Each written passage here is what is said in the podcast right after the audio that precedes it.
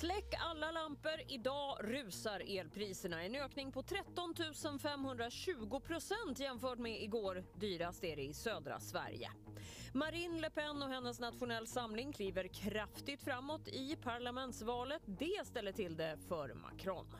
Och hon sålde allt hon kunde för att starta ett klädmärke för barn. Cassandra Rodin kommer hit. Nu Ekot. Idag kom beskedet att Svenska Akademins ledamot och tidigare ständige sekreterare Sture Allén har avlidit. Gunnar Bolin på radions kulturredaktion säger så här om Sture Allén. Sture Allén var ju också alltså väldigt aktiv både i radio och tv och en väldigt aktiv eh, språkperson. Han valdes ju in i Svenska Akademin som professor i nordiska språk. Han efterträdde också en, en språkforskare och sen ledde han arbetet med Svenska Akademins ordbok och med Eh, han var tidigt ute på dataområdet vad det gällde insamlade om fakta som gällde språk och när han var med i olika tv-program och radioprogram så talade han just väldigt ofta om språkfrågor och kanske något mindre ofta om, om litterära frågor. Det var inte i, i, frågor om litteratur som han vände sig till, till Sture Allén trots att han då var ständig sekreterare i Svenska Akademin så länge. Sture Allén blev 93 år. Företrädare för Sverige och Finland träffar idag turkiska tjänstemän på Natos högkvarter i Bryssel för att prata om Turkiets invändningar mot att släppa in Sverige och Finland i alliansen. Men det väntas inga direkta genombrott i dagens samtal, så här säger utrikesminister Ann Linde. Jag hoppas ju att eh, förhandlingarna idag ska gå bra. Men vi är också förberedda på att det här är en process som kan ta lång tid. Så vi har ett stort tålamod.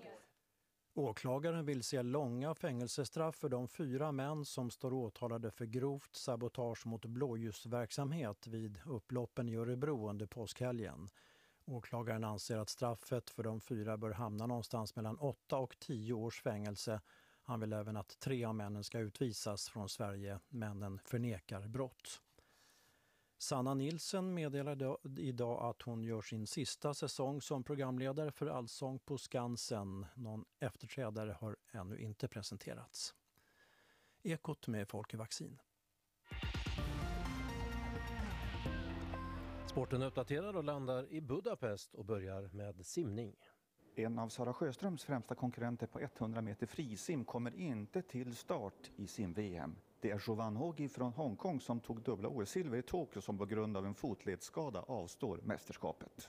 I försöken idag så blev Sofia Åstedt utslagen direkt i försöken på 200 meter frisim. För Åstedt som varit uppe med att hon drabbades av psykisk ohälsa när coronapandemin slog till så var det ändå en framgång att delta i ett VM. Träningen och simningen har varit något som har hjälpt mig.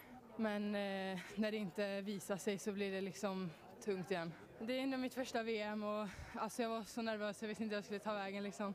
Jag tror att hälften av typ energin gick till att vara nervös. Kvällens höjdpunkt är finalen på 100 meter bröstsim där Sofie Hansson konkurrerar om en VM-medalj. Peter Sundqvist, sim-VM Budapest.